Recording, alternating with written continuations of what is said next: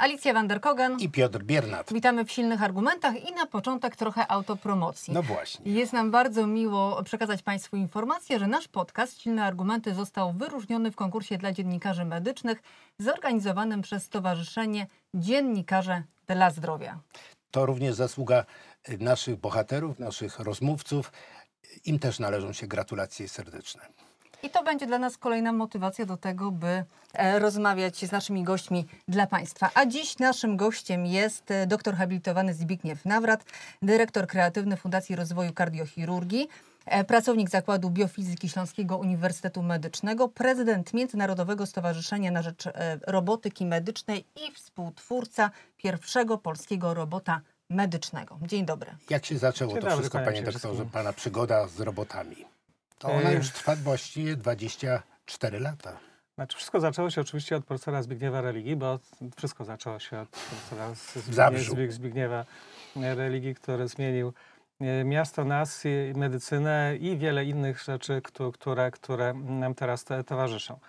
E, Jeśli mówimy o robotach i robotach medycznych, to po pierwsze, no, sztuczne serce też jest robotem medycznym, bo skoro źródło słów jest e, z powodu sztucznego człowieka, to i również sztuczna inteligen- inteligencja, czyli mózg, i narządy, czyli sztuczne narządy, są elementami robotyki e, medycznej. Więc pierwszym naszym zadaniem e, było skonstruowanie polskiego sztucznego serca, ponieważ profesor Liga wykonał transplantację serca i ona była sukcesem i pojawiła się kolejka pacjentów czekających na możliwość wstawienia im drugiego serca.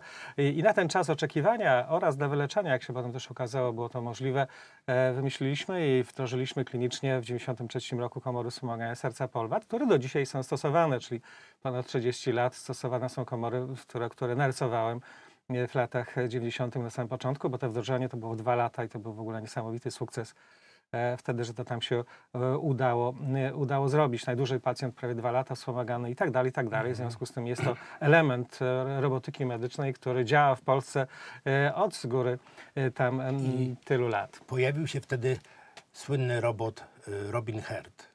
Zanim pojawił się Ro- Robin Hart, e, to, to przyjechał do, do Katowic e, na konferencję w 1999 roku e, Friedrich Mohr, taki człowiek z Lipska, który zrobił drugą operację robotem Da Vinci na świecie, albo trzecią e, i pokazał to tutaj e, właśnie tej naszej śląskiej tam widowni. Był gościem Fundacji Rozwoju Kardiochirurgii. Ja wtedy zajmowałem się już symulacjami i modelowaniem e, komputerowym mm, i fizycznym dla, dla e, osiągania lepszych rezultatów operacji chirurgicznych. Myślałem, że wreszcie jest narzędzie, które może wykorzystać te symulacje modelowanie dla praktycznego działania, tak jak samoloty lądują na podstawie pewnego rodzaju oprogramowania, które umożliwia to zrobić lepiej i, i precyzyjniej czasem niż, e, niż mm, e, pilot. E, spytałem religię tylko, czy, czy, czy zrobilibyśmy takiego robota. On mi odpowiedział, kiedy będę mógł nim operować. I tak e, powstał Robin Hart. Tak powstała idea stworzenia robota chirurgicznego, który miał służyć do tego, żeby chirurdzy, którzy operują serce, mogli w równym stopniu korzystać z technik miniwazyjnych, jak chirurdzy, którzy operują w brzuchu e, i w innych e, miejscach ciała pacjenta. To duże wyzwanie serce jest, e, tak duże, że do dzisiaj właściwie żaden robot nie operuje często e, serca. W związku z tym być może to wyzwanie, które na początku żeśmy podjęli, e, podobne zresztą jak wyzwania Amerykanów i kilku innych ośrodkach na świecie, do dzisiaj nie zostało zrealizowane w pełni. To robot Da Vinci, który został wymyślony do operacji na sercu, operuje głównie w innych miejscach niż na sercu. No właśnie, bo dlaczego Robin Hart nie operuje, a Da Vinci operuje? E, Ponieważ to jest Polska właśnie, to znaczy ja muszę przyznać, jak obserwuję tych młodych ludzi, którzy teraz się pojawiają, e, e, przyjeżdżają ze świata i pokazują te sukcesy, to muszę przyznać, że może rzeczywiście dokonałem pewnego podstawowego błędu, że zostałem, a nie, a nie, a nie wyjechałem, ale w końcu byłem z tego grona Zbigniewa Religii, czyli tych osób, które uważały, że Polska właśnie e, i że polski pacjent e, i że stać nas na to, żeby to, to zrobić. E, No, zrobili, zrobiliśmy sztuczne serce dwa lata, e, które, które wdrożyliśmy do, do, do kliniki i działa do dzisiaj, więc do głowy mi nie przyszło, że robot chirurgiczny e, po tylu latach e, nie będzie działał i nawet Grzegorz Religa nie może się doczekać, e, żeby mógł, móc nim operować. Bo minęło powiedzmy 24 lata i dalej ten robot nie działa, dalej y, nie pracuje w salach operacyjnych. Dlaczego? Powiedzmy wprost. E, To najpierw powiem początek, bo początek był bardzo y, fajny, że tak powiem, i taki nietypowy, ponieważ e, w KBN, Komitecie Badań Naukowych, udało mi się przekonać, że potrafimy zrobić robota chirurgicznego. Dostaliśmy 900 tysięcy ponad e, w roku 2000 na realizację tego projektu i po trzech latach tak zorganizowałem e, tutaj w Polsce te- te, tę naszą działalność, zatrudniając też znakomitych inżynierów, profesorów e, z kilku uczelni, z Politechniki Łódzkiej i Warszawskiej. E, I zbudowaliśmy taki zespół również z Politechniki Śląskiej, e, że, że zrobiliśmy po prostu robota, który miał e, funkcjonalność robota Da Vinci. Po trzech latach mieliśmy trzy modele, w tym jeden robot siedmiu stopniach swobodnych, tak jak robot Da, da Vinci. I potem zaczęły się typowo polskie e, kłopoty, e, które zakończyły się tym, że od 10 lat nie potrafię znaleźć żadnego projektu polskiego, w którym mógłbym e, e, utrzymać jakiekolwiek e, finansowanie. Czyli od ponad 10 lat nie mam możliwości zdobycia środków na kontynuację i na wdrożenie tego polskiego robota z bardzo prostego powodu, bo wprowadzono regułę, że żebym starał się o takie środki, muszę mieć przedsiębiorstwo, które je wdroży. Z tym, że w Polsce nikt nie robi robotów, e, nikt nie robi robotów chirurgicznych, e, no to przedszkolak by stwierdził, że wprowadzenie takiego przepisu spowoduje katastrofę tych najbardziej innowacyjnych projektów w Polsce, nie tylko robota chirurgicznego, ponieważ żeby otrzymać 10 milionów z Narodowego Centrum Badań i Rozwoju, muszę mieć kogoś, kto da 2 albo 3 miliony i jeszcze weźmie odpowiedzialność, że, że, że to wdroży. Czyli tak na dobrą sprawę puka pan do wszystkich drzwi, one pozostały zamknięte i nie ma zaplecza y, firmy, rozumiem, prywatnej, która by zainwestowała w ten projekt? To znaczy, ja od razu wiedziałem, że, że, że trzeba zacząć e, z Pukać. partnerstwem e, firmowym i z Famedem w Żywcu, który świetnym producentem był europejskim. Nawiązaliśmy od, razu samego początku e, współpracę. Projektowaliśmy również mocowanie do stołów operacyjnych, które oni tam produkowali i tak dalej, i tak dalej. Natomiast w 2009 roku, jak przeprowadziliśmy z sukcesem zabiegi na, na świniach naszym, na, naszymi robotami, zadzwoniłem do nich, że jesteśmy już gotowi i możemy zacząć od robota telewizyjnego i tak dalej, i tak dalej, e, to okazało się, że z bankrutem i upadł na opcjach walutowych, co też jest typowo polskim przypadłością. W związku z tym firma, z którą współpracowałem przez 10 lat, żeby wdrożyć tego robota, upadła z powodu opcji walutowych. E, No i potem poszukiwałem przez wiele lat e, taką firmę, Zna- znalazłem Meden Inmet w Koszalinie, którym w, kolejnym projekcie ich tam wciągnąłem i nauczyliśmy ich przez 4 lata robić te roboty no i sprzeda, sprzedaliśmy licencję na jednego robota, robotu telewizyjnego, ale niestety do dzisiaj nie podjął walki, walki o, o, o, o rynek i znowu sprawa, że tak A powiem... zagraniczni inwestorzy? Y, Znaczy nie miałem żadnych e, komunikacji z, e, i chęci inwestorów e, zagra, zagranicznych. No Można sobie wyobrazić, w 2010 roku mieliśmy kompletnego robota, model, który można było po prostu w ciągu dwóch lat wdrożyć i moglibyśmy być producentem europejskim i światowym robotów chirurgicznych, ale z powodu wprowadzenia tych przepisów, które były katastrofalne nie tylko dla nas, ale dla wszystkich innowacyjnych projektów w, w Polsce, nie mogliśmy w Polsce znaleźć żadnych pieniędzy. Rozmawiałem z inwestorami, bo pani, pani pytała o aniołów biznesu. Proszę Państwa, w Polsce anioł, anioł biznesu to są ludzie, którzy chcą bardzo szybko zarobić pieniądze i dać po prostu 100 tysięcy, a uzyskać milion. I jak im mówiłem, że po prostu trzeba wystartować od jakiejś kwoty sensownej, e, czyli kilku milionów, żeby za, za 10 lat, czy za 8, czy za 6 e, być światowym producentem i firmę, która jest wart, warta miliard zorganizować, każdy z nich po prostu nawet nie podziękował za informacje, które im udzieliłem e, i zwiewał po prostu i nigdy nie wracał. W Polsce inwestorzy inwestują w gry komputerowe i wszystko, co jest proste, łatwe i przyjemne, natomiast może paczkomaty, może jakieś takie rzeczy, które są, nazwijmy to proste technologicznie, e, Tak. ale nie skomplikowane zadania, na które nas było stać. Mieliśmy 100 inżynierów w Polsce, którzy e, potrafili, wiedzieli i chcieli. Panie doktorze, to jakaś paranoja jest, że z jednej strony w ciągu dwóch lat kupiono w Polsce około 16 y, robotów medycznych, zainwestowano 300 milionów prawie złotych, a wasz robot stoi y, w pracowni nieużywany. To jest jakaś taka polska paranoja? Czy myśli Znaczy, pan, robot te... nie jest nieużywany, ponieważ my go cały czas rozwijamy, wprowadzamy to, co można No za tak, darmo, nie sztuczną inteligencję i tak dalej, i tak dalej. Nie stać nas na żadne zakupy inwestycyjne i tak dalej. W związku z tym robimy e, pewne sztuczki i postęp naukowy. E, No to wie pan, no to, to jest 400 publikacji naukowych, któreśmy zrobili w ciągu tych, e, ty, tych, tych lat. E, kilkaset wystąpień, pokazów i tak dalej, i tak dalej. Myśmy jakby zastymulowali e, ten rozwój robotyki medycznej w Polsce. W Zabrze odbywają się najstarsze konferencje na świecie cykliczne e, do- dotyczących myśli pan, robotów medycznych. Że- myśmy stworzyli klimat do tego. No i najdziwniejsze jest to, czego nie potrafię zrozumieć, że w czasie COVID-u, e, czyli w czasie, w którym mieliśmy naprawdę duże problemy, żeby wyjść na ulicę No i ten, naraz ludzie wpadają na pomysł, żeby kupić urządzenia, które cokolwiek by nie mówić, nie ratują życia bezpośrednio, kosztują straszne pieniądze, a utrzymują utrzymanie ich jest też nie, nie jest tanie. E, Ostatnio rozmawiałem z, e, z człowiekiem z NFZ-u i oni planowali, że tam 30 milionów będzie kosztowało te, e, te, te, te, te, te a już 300 wydają prawda, na, na, na te operacje. A co najśmieszniejsze, może w, może w cudzysłowie jakimś, to jest to, że w Polsce wzrosła liczba operacji prostaty w ogóle.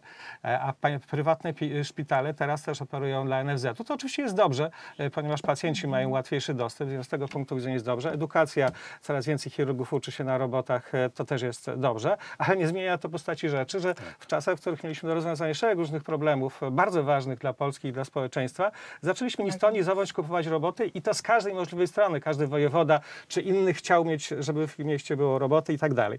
Potem na, trzeba było doszkolić tych chirurgów, bo i oczywiście było na początku za mało i tak dalej, i tak dalej. I teraz już wszystko poszło po prostu tą lawiną.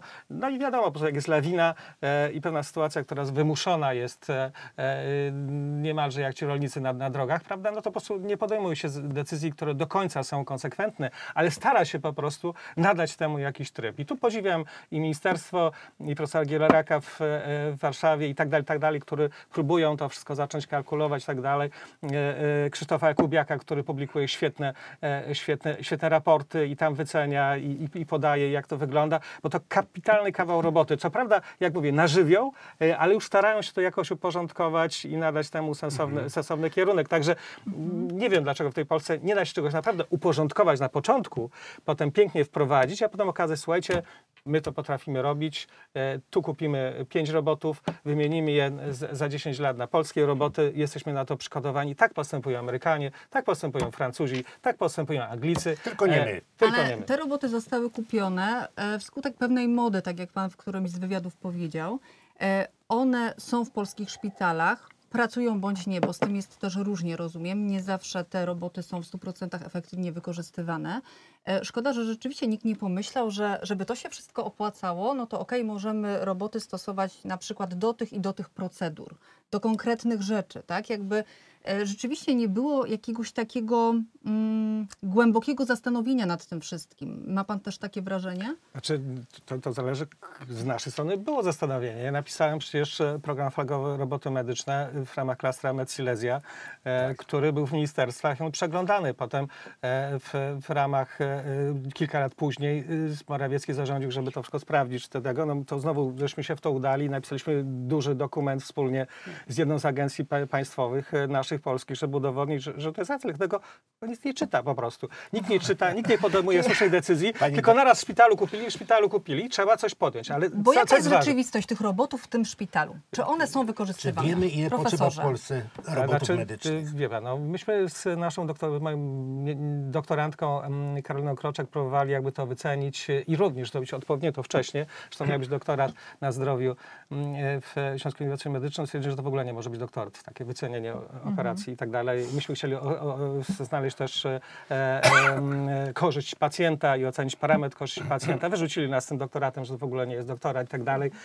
Inna rzecz, jakby taki znowu kwiatek e, ko, kolejny. Tak. Także ja próbowałem wszystko zrobić, co jest można. Włącznie z wycenią. Wyszło nam wtedy, że na, powinno być robotów e, e, jeden na milion. To jest oczywiście sprzed 10 lat, w związku z tym dzisiaj powiedzmy te procedury s- y, do- udoskonalane, ludzie lepiej operują i tak dalej, i tak dalej. W związku z tym pewnie już przekroczyliśmy dawno ten, ten, ten pułap. Już kilka tysięcy operacji rocznie się teraz w Polsce robi robotami chirurgicznymi. Bardzo dobrze jest y, 100 podobno ludzi, którzy potrafią operować robotem Da Vinci, 100, którzy potrafią operować e, e, e, Versus, Versusem e, tego Cambridge Medical Robotics i znakomicie. Chirurgom się to należy i należy się to pacjentom. To należy zwrócić uwagę. Nikt dzisiaj nie chce zostać chirurgiem. Znaczy ja mam 300 osobowe koło naukowe w Śląskim Uniwersytecie Medycznym imienia profesora Zbigniewa Religi. Proszę Państwa, na 300 osób trzy osoby chcą zostać chirurgami.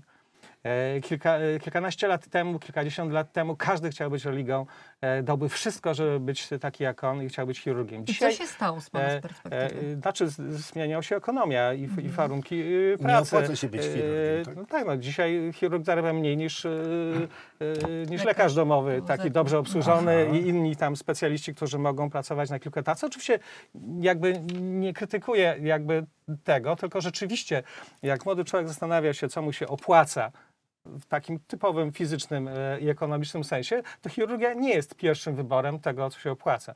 Chirurgia jest wyborem dla tych ludzi, którzy są odważni, którzy chcą poświęcić życie dla pacjentów e, i dla sprawy, i dla pewnych umiejętności, które one będą na tyle niezwykłych. No i a propos tego, e, właśnie w 27 robimy warsztaty chirurgiczne w ramach Biomed Silesia w Zabrzu. Wracamy po, po, po okresie COVID-u. Myśmy szkolili około 6 tysięcy młodych ludzi, którzy mieli dostęp do narzędzi chirurgicznych po raz pierwszy u nas w fundacji, oczywiście za darmo i tak dalej, i tak dalej. I w tym roku chcę zrobić coś takiego, żeby przeszkolić po prostu i sprawdzić, kto ma naprawdę talent chirurgiczny. I chcę zrobić coś takiego, że e, kilkaset studentów e, sprawdzę na tym stanowisku, po czym powie, ty, ty, ty, się nadajesz, masz już talent. Inni oczywiście, jak się nauczą i tak dalej, też mogą. Pójdę z nimi do rektora i powiem, proszę pana, panie rektorze, jak ci ludzie nie zostaną chirurgami, to jest nasza wina, nauczycieli akademickich i całego systemu, że oni nie wykorzystują talent, który, który mają dla korzyści nas, całego społeczeństwa i medycyny. Te roboty ułatwią s- stawanie się chirurgami młodym ludziom. Oczywiście edukacja robotem chirurgicznym jest łatwiejsza, przyjemniejsza, wygodniejsza, a praca komfortowa do końca życia. No Tak dobrze, jest. ale średnia wieku lekarzy chirurgów zrzeszonych w Śląskiej Izbie Lekarskiej to jest 60 lat. I em, czy jest jakaś szansa, żeby te roboty za chwilę operowały nas same, bez pomocy lekarza? Czy to jest science fiction? Znaczy w ogóle czegoś takiego jak e, łatwiej jest coś wyprodukować niż naprawić, prawda?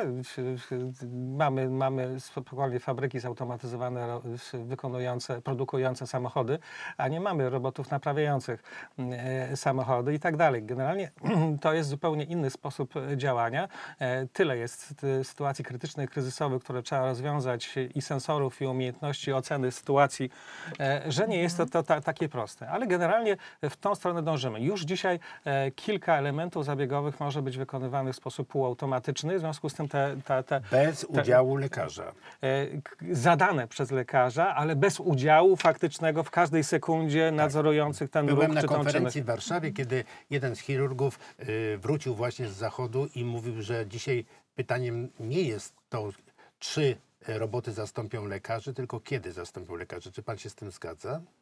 No wie pan, no tak jak to sztucznej inteligencji. Jak, No właśnie. jak trenerem Barcelony zostanie sztuczna inteligencja, to wtedy również lekarzem zostanie y, podejmujących różne, różne, różne- decyzje. Jeśli e, będą roboty, które będą naprawiały samochody, również wtedy e, pojawią się roboty, które, e, które będą operowały. Bo to jest mniej więcej takie same wyzwanie intelektualne i fizyczne e, e, dla, dla tego. Na pewno to będzie, to oczywiście nie wiem kiedy, e, być może to będzie za kilkanaście lat, być może za kilkadziesiąt lat, ale na pewno nie za 100, na pewno nie za 200. To jest e, przyszłość tych studentów, e, których w tej chwili uczymy e, na politechnikach i akademii medycznej. Oni już będą w tym stanie, w którym e, większość decyzji podejmowanych będzie przez e, roboty, czyli sztuczną inteligencję. Więks- Większość akcji bardzo precyzyjnych będzie podejmowane częściowo e, przez roboty, a potem nawet e, będzie już ten tryb taki, powiedzmy, że nie będzie pacjent, e, lekarz, e, e, pacjent, technologia, tak. lekarz, tylko będzie pacjent i technologia, e, e, e, gdzie będziemy po prostu my podejmowali de, de, decyzje, e, e, a, a, ten, ten, ten robot będzie je Nie za wykonywał. daleko pan idzie, doktorze, A to pana daleko zdaniem, idziecie? zdaniem jest bezpieczne? No E, właśnie, To będzie coraz bezpieczniej. No, już samochody jeżdżą po ulicach e, i są nie gorsze od, od, od ludzi, którzy nimi kierują. Samoloty już dawno. No, przepraszam, generalnie y, y, samoloty już latają jako roboty.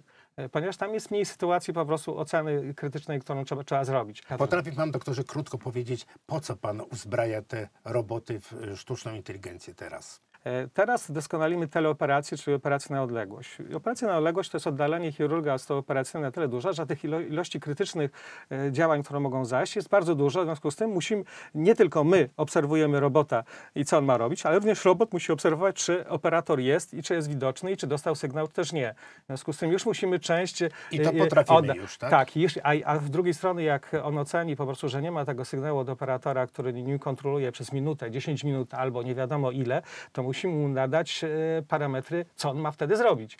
W związku z tym on musi wiedzieć, co on teraz robi, bo niektóre czynności musi skończyć, niektóre może trzeba kontynuować, a nie, niektóre w ogóle po prostu trzeba zatrzymać. W związku z tym już musi znowu robot być uzbrojony w taką umiejętność oceny w sytuacji, w której jest i co właśnie wykonuje i na ile to jest krytyczne. I co więcej, jak już utrucimy ten, ten sygnał i zmieni tą decyzję i tak dalej, i tak dalej, to musi wiedzieć, co może zrobić samodzielnie. I w tej chwili na przykład doskonalimy robota w takiej prostej rzeczy, na przykład jak koagulacja tkanek. Czyli krótko mówiąc, jak, jak robot zobaczy po prostu, że jest krwawienie w polu operacyjnym, to nie ma co czekać, tylko po prostu musi e, zatamować te, te, ten, ten krwotok, czyli zrobić koagulację. No i właśnie ostatnie nasze doświadczenie przed dwóch miesięcy to jest to, że nauczyliśmy robota tej koagulacji. Najpierw sami robiliśmy tą koagulację, e, potem robota uczyliśmy przez e, czy- 10 godzin, no i teraz robi lepiej od nas. Dzięki Czy, sztucznej czyli to jest tak, że robot prowadzi operację, dochodzi do zatrzymania krążenia i on podejmuje czynności związane z e, tym incydentem i ratuje pacjenta w ten sposób. Już teraz czy w przyszłości? Czy to będzie za to, chwilę? To, to, to tylko w, oczywiście w laboratorium na Mm, razie. oczywiście. Jakby poszukujemy tych rozwiązań, No które mam nadzieję, że będą atrakcyjne również dla potencjalnych inwestorów naszego robota, bo to, co możemy dodawać do naszego robota z powodu tego braku kasy, y, to jest Mhm. oczywiście po prostu dodatkowe umiejętności, funkcjonalności, które wynikają z, y, z oprogramowania, nad którym teraz e, pracujemy i doskonalimy.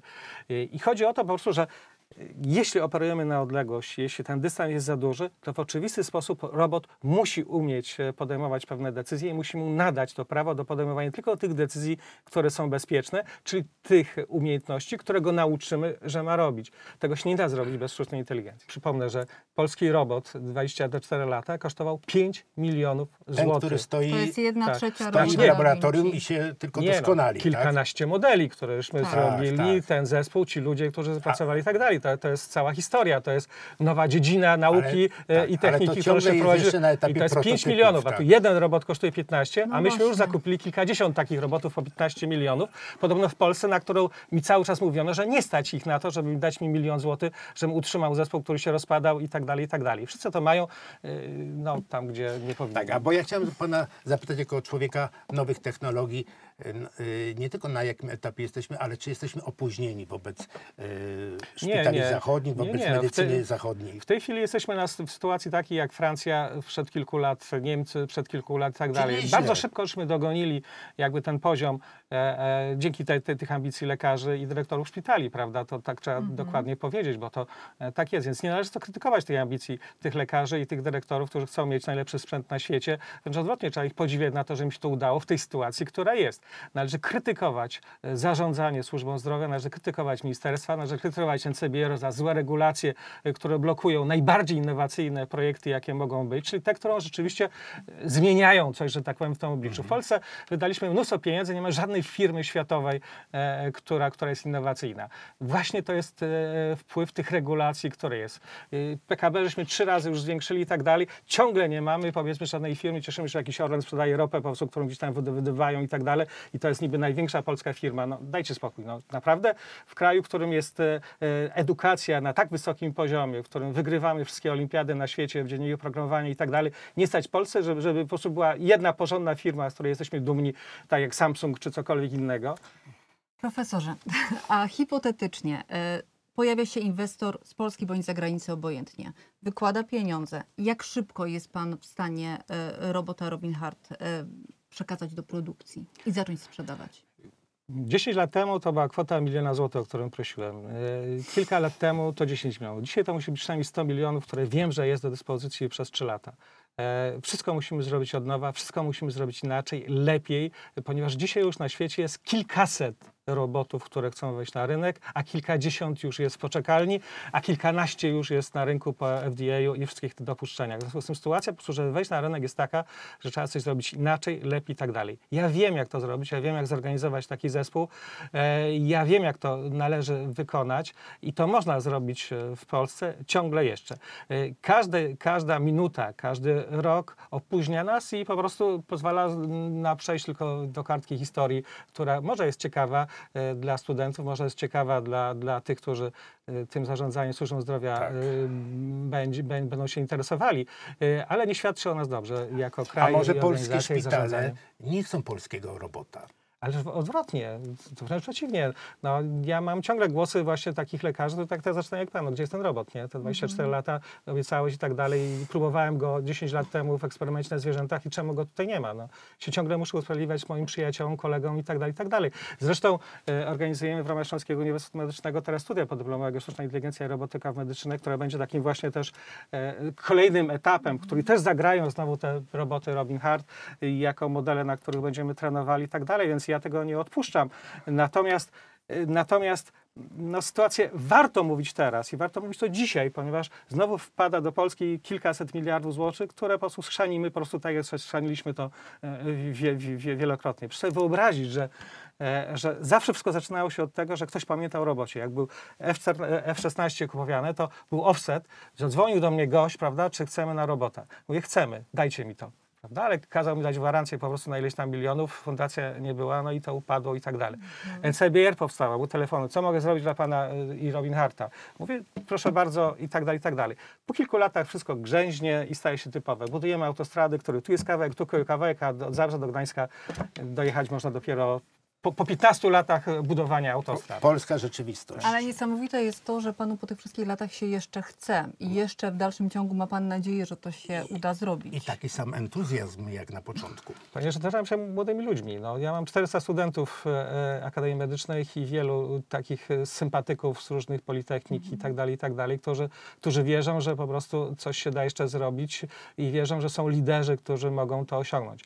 Jak Państwo się domyślają, ja, ja jak, jak rozmawiam o Zabrzu i tym studentom pokazuję, bo to Zabrze nie jest najpiękniejszym miastem na świecie. No i słuchajcie, e, Elon Musk jakby 200 lat temu, czy 150 lat temu chciał przyjechać, e, interes budował, to na pewno przyjechał do Zabrza albo do Pszczyny, bo tam była księżna i może ciekawsze były e, okoliczności, ale były najnowsze technologie na świecie. To tutaj rodził się ten przemysł, cywilizacja, który dzisiaj jesteśmy zresztą beneficjentami. Mm, Ale dzisiaj, proszę Państwa, jak Elon Musk by przyjechał do Polski, nie dostałby żadnego grantu.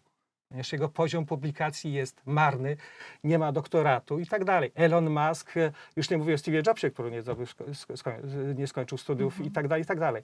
Jak mogliśmy zbudować taki kraj, tacy mądrzy ludzie, w których nie możemy wyko- wykorzystać potencjału, który drzemie w ludziach i w którym mamy przykłady, jak mogą inne kraje wydobywać e, i tak dalej. Oczywiście amerykańskie roboty nie wzięły się z startupu, e, tylko wzięły się po prostu z grantów DARPy em, i, i, i NASA, no, i tak dalej, i tak dalej.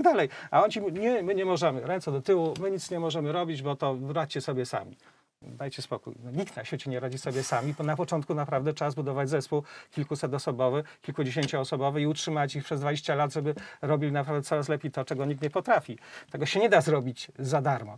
Grę komputerową to można tak zrobić po prostu. W trzy minuty zabrać zespół z pół świata i zrobimy po prostu machające sztylety po prostu. Ale czy ktoś to uzdrowi? Ale jak pan powiedział, cały czas piłka jest w grze. Tak, Tak jest. Drogi profesorze, wrócimy do tej rozmowy, zapiszemy sobie ją i wrócimy za parę lat. Ciekawe, czy coś się ruszy i czy pan będzie miał taki sam entuzjazm. Bardzo dziękuję za dobre życzenia, które w tym są zawarte. Naszym gościem był pan profesor Zbigniew Nawrat.